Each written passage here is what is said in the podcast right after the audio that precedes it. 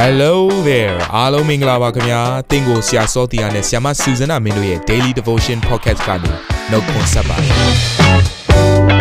ဆရာနဲ့ဆ iam တို့ရဲ့အသက်တာမှာဘုရားရှင်ပြုတဲ့ကောင်းကြီးမင်္ဂလာများစွာရှိပါတယ်အဲ့ဒီအထက်ကပြန်လဲစီးဆင်းတဲ့နှုတ်ကပတ်တော်ကိုဒီနေ့မှနားထောင်ပြီးခွန်အားယူကြမှာဖြစ်ပါတယ်နေ့စဉ်10မိနစ်လောက်အချိန်ပေးပြီးမိမိရဲ့အသက်တာကိုကောင်းကြီးဖြစ်စေမယ်ဘုရားသခင်ရဲ့နှုတ်ကပတ်တော်နဲ့နီးလန်းတွေကိုအတူတကွခံယူကြရအောင်ခင်ဗျာ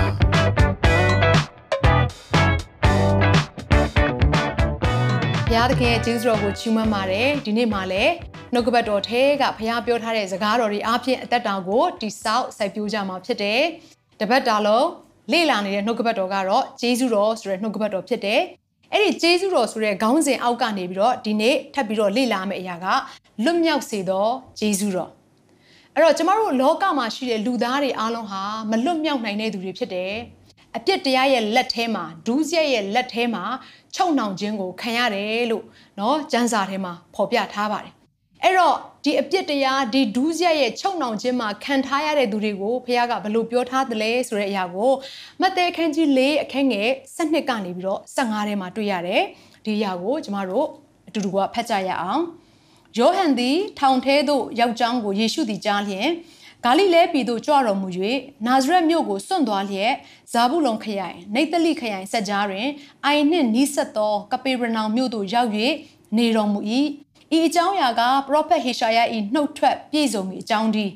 နှုတ်ထွက်အချက်ဟုမူကားဇာဘူးလုံခရိုင်နှင့်နေတလိခရိုင်ဒီဟုသောအိုင်နာလျှောက်သောလမ်းယော်ဒန်မြစ်တစ်ဖက်တပားအမျိုးသားနေရာဂါလိလဲပြီး မှောင်မိုက်ထဲမှရှိနေသောလူများတို့သည်ကြီးစွာသောအလင်းကိုမြင်ရ၍သေမင်း၏နိုင်ငံအရေးတွင် ရှိနေသော သူတို့၌အလင်းပေါ်ထွန်းလျက်ရှိ၏ဟုဟောထားသည်ဒီနေရာမှာရှင်ယောဟန်ဟာဘုရားသခင်ရဲ့နိုင်ငံတော်တည်ထောင်ခြင်းနဲ့ဆိုင်တဲ့ဧဝံဂေလိတရားကိုစတင်ပြီးတော့ဝေငှနေတဲ့အချိန်မှာဟေရုမင်းကြီးအားဖြင့်ထောင်ထဲရောက်နေတဲ့အချိန်ကာလဖြစ်တယ်။တစ်ဖက်မှာလည်းယေရှုခရစ်တော်ကနိုင်ငံတော်တည်ထောင်ခြင်းနဲ့ဆိုင်တဲ့ဧဝံဂေလိတရားကိုဝေငှနေပါတယ်။ အဲ့ဒီလိုဝေငှခြင်းအကြောင်းအရာဟာဘာကြောင့်လဲဘသူအတွက်လဲဆိုတဲ့အရာကို prophet ဟေရှာယဟောမှုတဲ့ကျမ်းစာအားဖြင့်မြင်တွေ့နိုင်တယ်။အဲ့တော့ prophet ဟေရှာယကတော့ဒီလိုပြောထားပါတယ်။မှောင်မိုက်ထဲမှာရှိနေသောလူများတဲ့။အဲ့တော့ဒီလောကမှာရှိနေတဲ့သူတွေဟာမှောင်မိုက်ထဲမှာရှိနေတဲ့သူတွေဖြစ်တယ်လို့ပြောခြင်းဖြစ်တယ်။သင်ဟာအပြစ်နဲ့ပြေဝသောသူဖြစ်တယ်ဒူးစရိုက်ထဲမှာကျင်လည်တက်တဲ့သူဖြစ်တယ်ဆိုရင်သင်ဟာဖျားသခင်နဲ့စန့်ကျင်ဘက်ဖြစ်တဲ့မှောင်မိုက်ထဲမှာရောက်ရှိနေတဲ့သူပါ အဲ့တော့အဲ့ဒီမှောင်မိုက်ထဲမှာရောက်ရှိနေတဲ့သူကိုနောက်ထပ်เนาะသူပြောထားတဲ့အရာလေးရှိပါတယ်သေမင်းဤနိုင်ငံအရေးတွင်ရှိနေတော်သူများလို့ထပ်ပြီးတော့ပြောထားပါတယ်ဒါဆိုရင်ဒီနေ့ယေရှုခရစ်တော်ကိုအသက်တာထဲမှာမရတဲ့သူတွေဖျားပေးတဲ့ဂျေဇုတော်ကိုလက်မခံတဲ့သူတွေရဲ့အသက်တာကဘာနဲ့သွားတူနေလဲဆိုတော့မှောင်မိုက်ထဲမှာရှိပြီးတော့သေမင်းလို့ခေါ်တဲ့မာနက်ရဲ့နိုင်ငံရဲ့လွှမ်းမိုးမှုကိုခံထားရတဲ့သူတွေဖြစ်တယ်လို့ပြောနေခြင်းပဲ ဒီလောကကထွက်သွားတာနဲ့သေမင်းရဲ့လက်ထဲကိုရောက်မယ်ဆိုလိုတဲ့အရာကငရဲထဲကိုရောက်မယ်လို့ပြောနေခြင်းပဲဒါကြောင့်လို့ဒီနေ့ဘုရားခင်ကသူ့ရဲ့တပါးရီတော်သားတော်ယေရှုခရစ်တော်ကိုဒီလောကကိုဆေလွတ်လိုက်ခြင်းဆိုတဲ့အကြောင်းအရာကမှောင်မိုက်ဖုံးလွှမ်းနေတဲ့ဒီလောကကြီးသေမင်းနိုင်ငံရဲ့အရေးမှာကြာရောက်နေတဲ့လူသားတွေကိုကယ်တင်ဖို့ရန်အတွက်သူကိုယ်တိုင်ဆင်းလာပြီးတော့သူ့ရဲ့အလင်းသူ့ရဲ့အသက်သူ့ရဲ့ဖြောင့်မတ်ခြင်းသူ့ရဲ့တန့်ရှင်းခြင်းကို ပေးဖို့ရန်အတွက်ရောက်ရှိလာတာဖြစ်တယ်လို့ပြောထားတယ်။ဒါကြောင့်မလို့သိရမယ့်အရာတစ်ခုကကျမတို့ဟာနော်ယေရှုခရစ်တော်ကိုလိုအပ်ပါတယ်။ဒီလောကမှာရှိနေတဲ့သူတွေအားလုံးကထိုသခင်ယေရှုခရစ်တော်ပေးတဲ့ကယ်တင်ခြင်းကိုရရှိပြီဆိုရင်သာရအသက်ကိုရရှိပြီဆိုရင်တမလွန်မှာငရဲသွားမယ့်အဖြစ်ကိုရောက်ရှိစရာအကြောင်းမရှိပါဘူး။သို့တော်လည်းစာလန်14နှစ်ကနေ3ထဲမှာဒီလိုဖော်ပြထားတယ်။နားလေတော်သူ ဖျားသခင်ကိုရှာတော်သူတစုံတယောက်ရှိသည်မရှိသည်ကိုသိမြင်ခြင်းကထာဝရဘုရားသည်ကောင်းကင်ဘော်ကလူသားတို့ကိုငုံ၍ကြည့်ရှုတော်မူ၏အဲ့တော့ကျမ်းစာကအယံရှင်းပါတယ်ဖျားကိုရှာတော်သူဖျားကိုနားလေပြီးတော့ရှာရမယ့်သူတစုံတယောက်ရှိမရှိဆိုတဲ့အရာကိုသိပွင့်တဲ့ဘုရားသခင်ကကောင်းကင်ဘော်ကကြည်တယ်တဲ့တရားကိုရှာလို့မပြောဘူးเนาะကျမ်းစာကဖျားကိုရှာလို့ပြောတယ် ဒီလောကထဲမှာတရားမြောက်များစွာရှိကြပါတယ်ကောင်းလားကောင်းပါတယ်သို့တော့လူကမကောင်းတဲ့အခါမှာလူရဲ့ဗီဇကိုကအပြစ်ဒူးစရိုက်ကိုလုတ်တက်တဲ့လုတ်ချင်တဲ့ဗီဇဖြစ်နေတဲ့အခါမှာတရားဘလောက်ကောင်းကောင်းကိုကမလိုက်လျှောက်နိုင်ဘူးအဲ့တော့တရားရှာရင်လည်းလမ်းပြောက်ကြတယ်ဒါကြောင့်မလို့ဖះကတရားမရှာခိုင်းမဲနဲ့သူ့ကိုရှာတဲ့သူတနည်းအားဖြင့်ဖះကိုရှာတဲ့သူရှိမရှိဖះကကောင်းကင်ဘောကနေပြီးတော့လှမ်းပြီးတော့ ငုံကြည့်ပါတယ်အဲ့တော့အခက်ငယ်သုံးမှာဘလို့ပြောထားလဲဆိုရင်လူအပေါင်းတို့သည်လမ်းလွဲကြပြီအဲ့တော့ဖះကိုမရှာဘဲနဲ့တရားကိုရှိုင်းနဲ့လမ်းလွဲတဲ့အရာကိုဖះမြင်တယ်တညီတညွတ်ထဲဆွေးမြေ့ယိုယွင်းခြင်းရှိကြ၏ကောင်းသောအကျင့်ကိုကျင့်တော်သူမရှိတယောက်မျှမရှိအဲ့တော့ဖះပြောတဲ့ကောင်းသောအကျင့်ဆိုတဲ့အရာကအပြစ်နည်းနည်းလေးမှမပါတဲ့အကျင့်ကိုပြောနေခြင်းဖြစ်တယ်ဒါကြောင့်မလို့ဒီနေ့ကျမ်းစာထဲမှာပြောထားတဲ့အတိုင်းပဲ သူ့ရဲ့အရှိမတော်လူသားအလုံးဟာအပြစ်နဲ့ညစ်ညူးနေတဲ့သူဖြစ်တယ်လို့ပြောနေခြင်းပါဒါကြောင့်မလို့ဒီနေ့အပြစ်ထဲမှာရှိနေရခြင်းအကြောင်းအရာကိုလည်းเนาะဒါလေးကိုနည်းနည်းသိဖို့အတွက်လိုအပ်ပါတယ်ဒီຢာကိုလေ့လာလိုက်ပြီဆိုရင်လူသားတွေဘာဖြစ်လို့အပြစ်တရားထဲမှာကျင်လည်နေကြလဲဆိုတဲ့အရာကိုကောင်းမွန်စွာသဘောပေါက်လာမှာဖြစ်တဲ့အေးဖက်ခန်းကြီးနှစ်အခန်းငယ်1ကနေ9ကိုကျွန်မဖတ်ချင်တယ်။ သင်တို့သည်အထက်ကလောကီတရားသို့လိုက်၍အာကာသကောင်းကင်၏တကိုးကိုအစိုးရသောမင်းဒီဟုသောညင်းဆန်သောသူတို့၌ပြုပြင်သောဝိညာဉ်၏အလိုနှင့်အညီဒူးစရိုက်အပြစ်တို့၌ကျင်လည်ကြ၍ထိုဒူးစရိုက်အပြစ်၌သေလျက်ရှိနေသောသင်တို့ကိုပင်ဖျားသခင်သည်အသက်ရှင်စေတော်မူပြီးထိုညင်းဆန်သောသူတို့နှင့်တကွငါတို့ရှိသမျှသည်အထက်ကကိုကာယ၏အလိုတို့၎င်းစိတ်၏အလိုတို့၎င်းလိုက်သဖြင့်ကာမဂုဏ်တို့၌ကျင်လည်သည်ဖြစ်၍ ကျွင်းသောသူတို့ကဲ့သို့ပင်ပဂတိအတိုင်းအမျက်တော်ကိုခံရသောသူဖြစ်ကြ၏သို့တော်လည်းဂယုနာတော်နှင့်ကြွယ်ဝတော်မူသောဘုရားသခင်သည်ငါတို့ကိုချစ်တော်မူသောမဟာမေတ္တာတော်အားဖြင့်ဒုစရိုက်အပြစ်၌သေလျက်ရှိသောငါတို့ကိုခရစ်တော်နှင့်အတူအသက်ရှင်စေတော်မူပြီးယေရှုတော်ကြောင့်သာကယ်တင်ခြင်းသို့ရောက်ရ၏ဆိုတော့ခုနအေဖက်ခန်းကြီး2အငယ်9ကကြက်မှတ်တဲ့နဲ့ကျမ်းစာလည်းဖြစ်ပါတယ်ဒီနှုတ်ကပတ်တော်ကဘာကိုဆိုလိုနေတာလဲဆိုတော့ကျမတို့လူသားတွေဟာ ကိုယ့်ရဲ့အလိုကိုလိုက်တက်တဲ့သူဖြစ်တယ်ကာယအလိုရှိတယ်စိတ်ရဲ့အလိုရှိတယ်ဆိုတော့ဒီကာယအလိုစိတ်ရဲ့အလိုကိုလိုက်တဲ့အခါမှာညစ်ညူးတဲ့ကာမဂုဏ်နောက်ကိုလိုက်သွားမိကောအဲ့ဒီညစ်ညူးတဲ့ကာမဂုဏ်နောက်ထဲမှာဘာပါလဲဆိုရင်ဒူးစရိုက်ပြုတ်ကျင်တဲ့အရာတွေပါတယ်အဲ့ဒီဒူးစရိုက်ကိုပြုတ်ပြီဆိုရင်တော့တဲ့ဘုရားကဘာပြောလဲဆိုရင်အမျက်တော်ကိုခံရစရာအကြောင်းရှိတယ်အဲ့တော့လူသားတွေကိုဘုရားသခင်ကအမျက်တော်ခံရဖို့ရတဲ့ဖန်ဆင်းခဲ့တာမဟုတ်ဘူးအချစ်ခံရဖို့ရတဲ့ဖန်ဆင်းခဲ့တာဖြစ်ပါတယ် ဒါဆိုရင်လူသားတွေဘုရားရဲ့အမျက်တော်ကိုခံရဖို့ရတဲ့ဘသူကနောက်ွယ်ကနေကြိုးကင်ထားတယ်ဆိုတဲ့အရာကိုပြောပြခဲ့တယ်အဲ့ဒါကတော့အာကာသကောင်းကင်ဤတကိုးကိုအစိုးရသောမင်းတဲ့ဆိုလိုတဲ့အတိတ်ဘယ်ကနတ်ဆိုးဝိညာဉ်စုတွေနဲ့မှောင်မိုက်တကိုးကိုအုပ်ချုပ်နေတဲ့စာတန်မာနကိုပြောနေခြင်းဖြစ်တယ်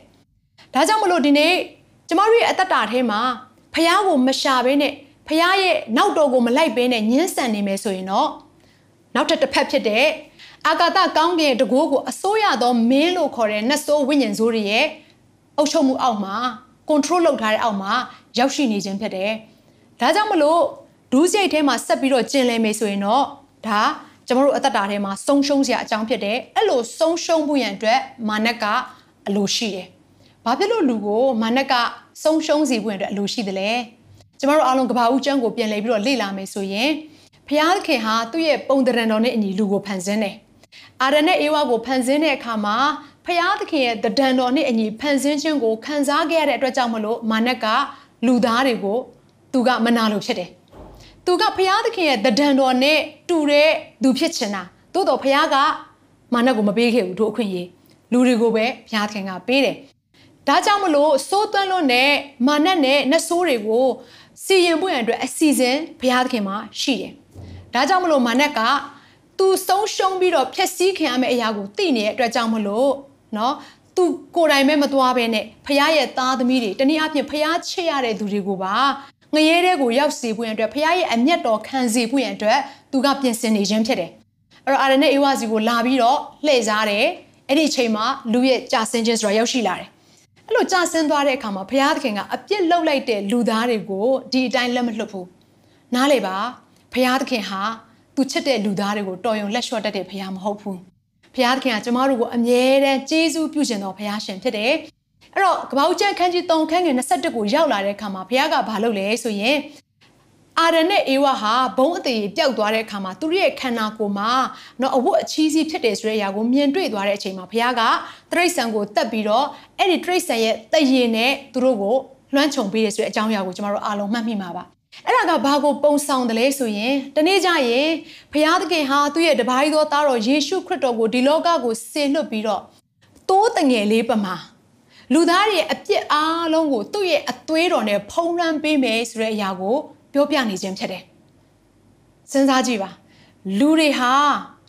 ကိုအပြစ်လုပ်တယ်ဆိုတဲ့အရာကို မသိခင်အချိန်ထဲကပင်ဖះကလူသားတွေကိုအပြစ်ကနေကယ်လွတ်ဖို့ရန်အတွ က်ပလန်ချပြီးသားဖြစ်တယ်စီစဉ်ထားပြီးသားဖြစ်တယ်ဖះကိုမရွေးချယ်တက်ခင်ကလေးကဖះကလူတွေအတွက်ကယ်တင်ခြင်းနဲ့သူ့ရဲ့ကျေးဇူးတော်ကိုပေးသောဖះရှင်ဖြစ်တယ်ဒါကြောင့်မလို့အခုနစံစာထဲမှာကြည့်မယ်ဆိုရင်သို့တော်လေဂယုနာတော်နှင့်ကြွယ်ဝတော်မူသောဖះသခင်သည်ငါတို့ကိုချစ်တော်မူသောမဟာမေတ္တာတော်အားဖြင့်တဲ့ကျမတို့ကိုဖះကအယမ်းချစ်တဲ့အခါမှာအဲ့ဒီဂယုနာတော်နော်ဆိုတဲ့အရာကသူ့ရဲ့ကျေးဇူးတော်ကိုပြောနေခြင်းဖြစ်တယ် အဲ့ဒီဂျေဇုတော်နဲ့ကြွေဝတဲ့ဘုရားသခင်ဟာတဲ့ကျမတို့ကိုကယ်တင်ဖို့ရန်အတွက်ယေရှုခရစ်တော်ကိုကျမတို့ကိုပေးခဲ့တာဖြစ်ပါတယ်။ဒါကြောင့်မလို့ကျမနားလေစီခြင်းနဲ့တင့်ရဲ့အသက်တာထဲမှာယနေ့ချုံနှောင်ခြင်းရှိသမျှကလွတ်မြောက်နိုင်ဖို့ရန်အတွက်ထိုဘုရားသခင်ရဲ့ဂျေဇုတော်လိုနေပါတယ်။လွတ်မြောက်စေသောဂျေဇုတော်ကိုလက်ခံကြိုးဆိုတတ်မယ်ဆိုရင်တော့တင်းနဲ့တင်းရဲ့အိမ်အောင်မိသားစုဝင်အားလုံးဟာထိုအပြစ်ဒူးစရိုက်လက်ထဲကနေပြီးတော့လွတ်မြောက်မှာဖြစ်တယ်။အကယ်၍သင်ကဘုရားသခင်ပေးတဲ့ဂျေဇုတော်ကိုလက်မခံဘဲနဲ့ ကိုယ့်ဘောက်ကိုဆက်ပြီးတော့စူးစမ်းကြင်ကြံနေမယ်ဆိုရင်တော့ဒါလေးကိုသတိရစေချင်တယ်ခုနပြောခဲ့ပါတယ်ဒူးရက်အပြစ်၌တည်နေသောသူလို့လူသားတွေကိုဘုရားကပြောခဲ့တဲ့အတွက်ကြောင့်မလို့တည်နေတဲ့သူကိုတရားပြလဲတည်တဲ့သူကတရားကိုမကျင့်နိုင်ပါဘူးတရားဟောပြနေလဲတည်နေတဲ့သူကနားမထောင်နိုင်ပါဘူးအကောင်းဆုံးသောအသက်ရှင်နေတဲ့ဒီလိုလှုပ်ဆောင်ရတယ်လို့ပြောနေပေမဲ့လည်းတည်နေတဲ့သူကလိုက်ပြီးတော့မလုံနိုင်ပါဘူးဒါကြောင့်မလို့တင့်အနေနဲ့ အသက်ရှင်စေတဲ့ယေရှုခရစ်တော်ဘုရားကိုလက်ခံယုံကြည်လိုက်မယ်ဆိုရင်တော့ထိုသခင်ယေရှုခရစ်တော်ကတင့်အထဲကနေပြီးတော့သင်မယုံထွက်နိုင်တဲ့အရာတွေအားလုံးကိုယုံထွက်နိုင်ပွင့်အတွက်အထဲကနေအသက်ရှင်ပေးမယ်ဘုရားဖြစ်တယ်ဆိုတဲ့အကြောင်းအရာကိုဒီနေ့ပြောပြလိုပါတယ်ဒီနေ့သင်လုံနေတဲ့သူကယေရှုခရစ်တော်ဖြစ်တယ်သင်လုံနေတဲ့အရာကထိုယေရှုခရစ်တော်ပေးတဲ့လွတ်မြောက်စေတဲ့ဂျေဇုတော်ကိုသင်ဒီနေ့လုံနေတယ်မငင်းဆန်ပါနဲ့သင်ငင်းဆန်နေအောင်မယ်ဆိုရင်တော့ မာနရဲ့ချုံနှောင်ခြင်းထဲမှာပဲအမြဲတမ်းရှိနေပါလိမ့်မယ်။ဒါကြောင့်သင်လွတ်မြောက်နိုင်ဖို့ရန်အတွက်ယနေ့ပဲယေရှုခရစ်တော်ပေးတဲ့လွတ်မြောက်စေတဲ့ကြီးစုတော်ကိုလက်ခံရယူလိုက်ပါ။အခုချိန်မှာမိသားစုဝင်တယောက်ချင်းစီတိုင်းအတွက်ကျွန်မဆုတောင်းပေးခြင်းပါတယ်။ကိုယ့်ရဲ့အသက်တာထဲမှာဘာတွေမလွတ်မြောက်နိုင်တာရှိလဲ။တချို့တွေက အကျွေးနဲ့ပတ်သက်ပြီးတော့မလွတ်မြောက်နိုင်တာရှိတယ်။တချို့တွေကလောင်းကစားနဲ့ပတ်သက်ပြီးတော့မလွတ်မြောက်နိုင်တာရှိတယ်။တချို့တွေကအသွေးအသားနဲ့ပတ်သက်ပြီးတော့ဖောက်ပြန်တဲ့အရာတွေမှာမလွတ်မြောက်နိုင်တဲ့အရာတွေရှိတယ်။တချို့တွေက game ဆော့ပြီးတော့ game ထဲမှာမလွတ်မြောက်နိုင်တဲ့သူတွေလည်းရှိတယ်။အဲ့တော့လူတိုင်းရဲ့ဆွဲလန်းခြင်းเนาะမာနဲ့ရဲ့ချုပ်ကင်ခြင်းပုံစံကမတူပါဘူး။အဲ့ဒီချုပ်ကင်ခြင်းတွေကလွတ်မြောက်နိုင်ဖို့ရန်အတွက်သင်လို့မယ့်အရာတစ်ခုတော့ရှိတယ်။ကိုတော့ကျွန်တော်ကိုတနာပါ။ကိုရဲ့ဂယုနာတော်ကိုပြပါ။ ကိုတော်သွန်းလောင်းပေးမဲ့လွတ်မြောက်ခြင်းကျေးဇူးတော်ကိုကျွန်တော်လက်ခံရယူပါတယ်ဆိုရင်ဒီနေ့ထိုဘုရားသခင်ကတင့်စီကိုအကြည့်ရှုကြွရောက်လာပြီးတော့ချုံနှောင်ခြင်းရှိသမျှတွေကတင့်ကိုလွတ်ချင်းပေးလိမ့်မယ်။မာနရဲ့တကိုးဟာဘုရားသခင်ရဲ့တကိုးကိုမနိုင်ပါဘူး။အရေးကြီးတဲ့အရာကသင်ကိုယ်တိုင်ဘုရားသခင်ရဲ့တကိုးကိုမငင်းဆန်ဘဲနဲ့လက်ခံမယ်ဆိုရင်ယနေ့ပဲလွတ်ချင်းရပါလိမ့်မယ်။အဲ့တော့ခဏလောက်ဆုတောင်းကြရအောင် အသက်ရှင်သောဖရာကောင်းမြတ်သောဖရာကိုရောကိုကျေးဇူးတင်တယ်ယနေ့မှာနှုတ်ကပတ်တော်ကြားသည့်အတိုင်းပဲကိုရဲ့ကျေးဇူးတော်ဟာလွှတ်ချင်းပေးတဲ့ကျေးဇူးတော်ဖြစ်တယ်ဒူးစရိုက်ထဲမှာဆက်ပြီးတော့ကျင်လည်စေတဲ့ကျေးဇူးတော်မဟုတ်ဘူးနောင်တလမ်းထဲကိုသွေးဆောင်ပြီးတော့ကိုရောရဲ့တရားတော်လမ်းထဲမှာကိုရောနဲ့အတူအသက်ရှင်နိုင်စေတဲ့ကျေးဇူးတော်ဖြစ်ပါတယ်။ဒါကြောင့်မလို့ဒီနေ့နှုတ်ကပတ်တော်ကိုကြားတဲ့သူတယောက်ချင်းတိုင်းရဲ့အသက်တာထဲမှာမလွတ်မြောက်နိုင်ပါကယခုပင်လွတ်မြောက်စေပါ။ သူတို့ရဲ့အသက်တာထဲမှာချုံနှောင်ခြင်းရှိသမျှအထက်ကကိုရောယခုပင်ကိုရောရဲ့တကိုးတော်အဖြစ်ယုံထွက်နိုင်စီပြီဖြစ်လို့ကိုရောကိုကျေးဇူးတင်တယ်မာနရဲ့လှုပ်ဆောင်ချက်အားလုံးကိုသူတို့ဒီနားလေပြီးတော့ဘုရားသခင်ထံကိုချင့်ကပ်ပြီးတော့ဘုရားကိုရှာတော်သူတွေဖြစ်ကြောင်းကိုယနေ့ဝန်ခံပါပြီကိုရောသူတို့အသက်တာကိုကိုရောလက်တော်ထဲကိုစက္ကပ်အနံ့နဲ့ကောင်းမြတ်သောဘုရားသားသမီးတို့အတွက်အမြဲတမ်းအကောင်းဆုံးသောအရာကိုပေးခြင်းသောဘုရားသူတို့ရဲ့အသက်တာတွေထဲမှာကိုရောရဲ့လွတ်မြောက်ခြင်းနဲ့ဆိုင်တဲ့ကျေးဇူးမင်္ဂလာအပေါင်းကိုယနေ့ပင်တွန်လောင်းပေးပါအတ္တတာအသီးသီးကိုစက္ကန့်အနှံလဲကောင်းကြီးပေးတဲ့အခါမှာမနေ့နဲ့နောက်ကာလမပြောင်းလဲဘဲနဲ့သားသမီးတို့အတွက်အကောင်းဆုံးသောအကြံစီကိုကြံစီ၍လွတ်မြောက်စေတော်မူသောယေရှုခရစ်တော်ဘုရားသခင်၏မြတ်သောနာမတော်ကိုအမိပြု၍အတ္တတာအသီးသီးကိုစက္ကန့်အနှံကြပါれဖာမြတ်စွာဘုရားသခင်အာမင်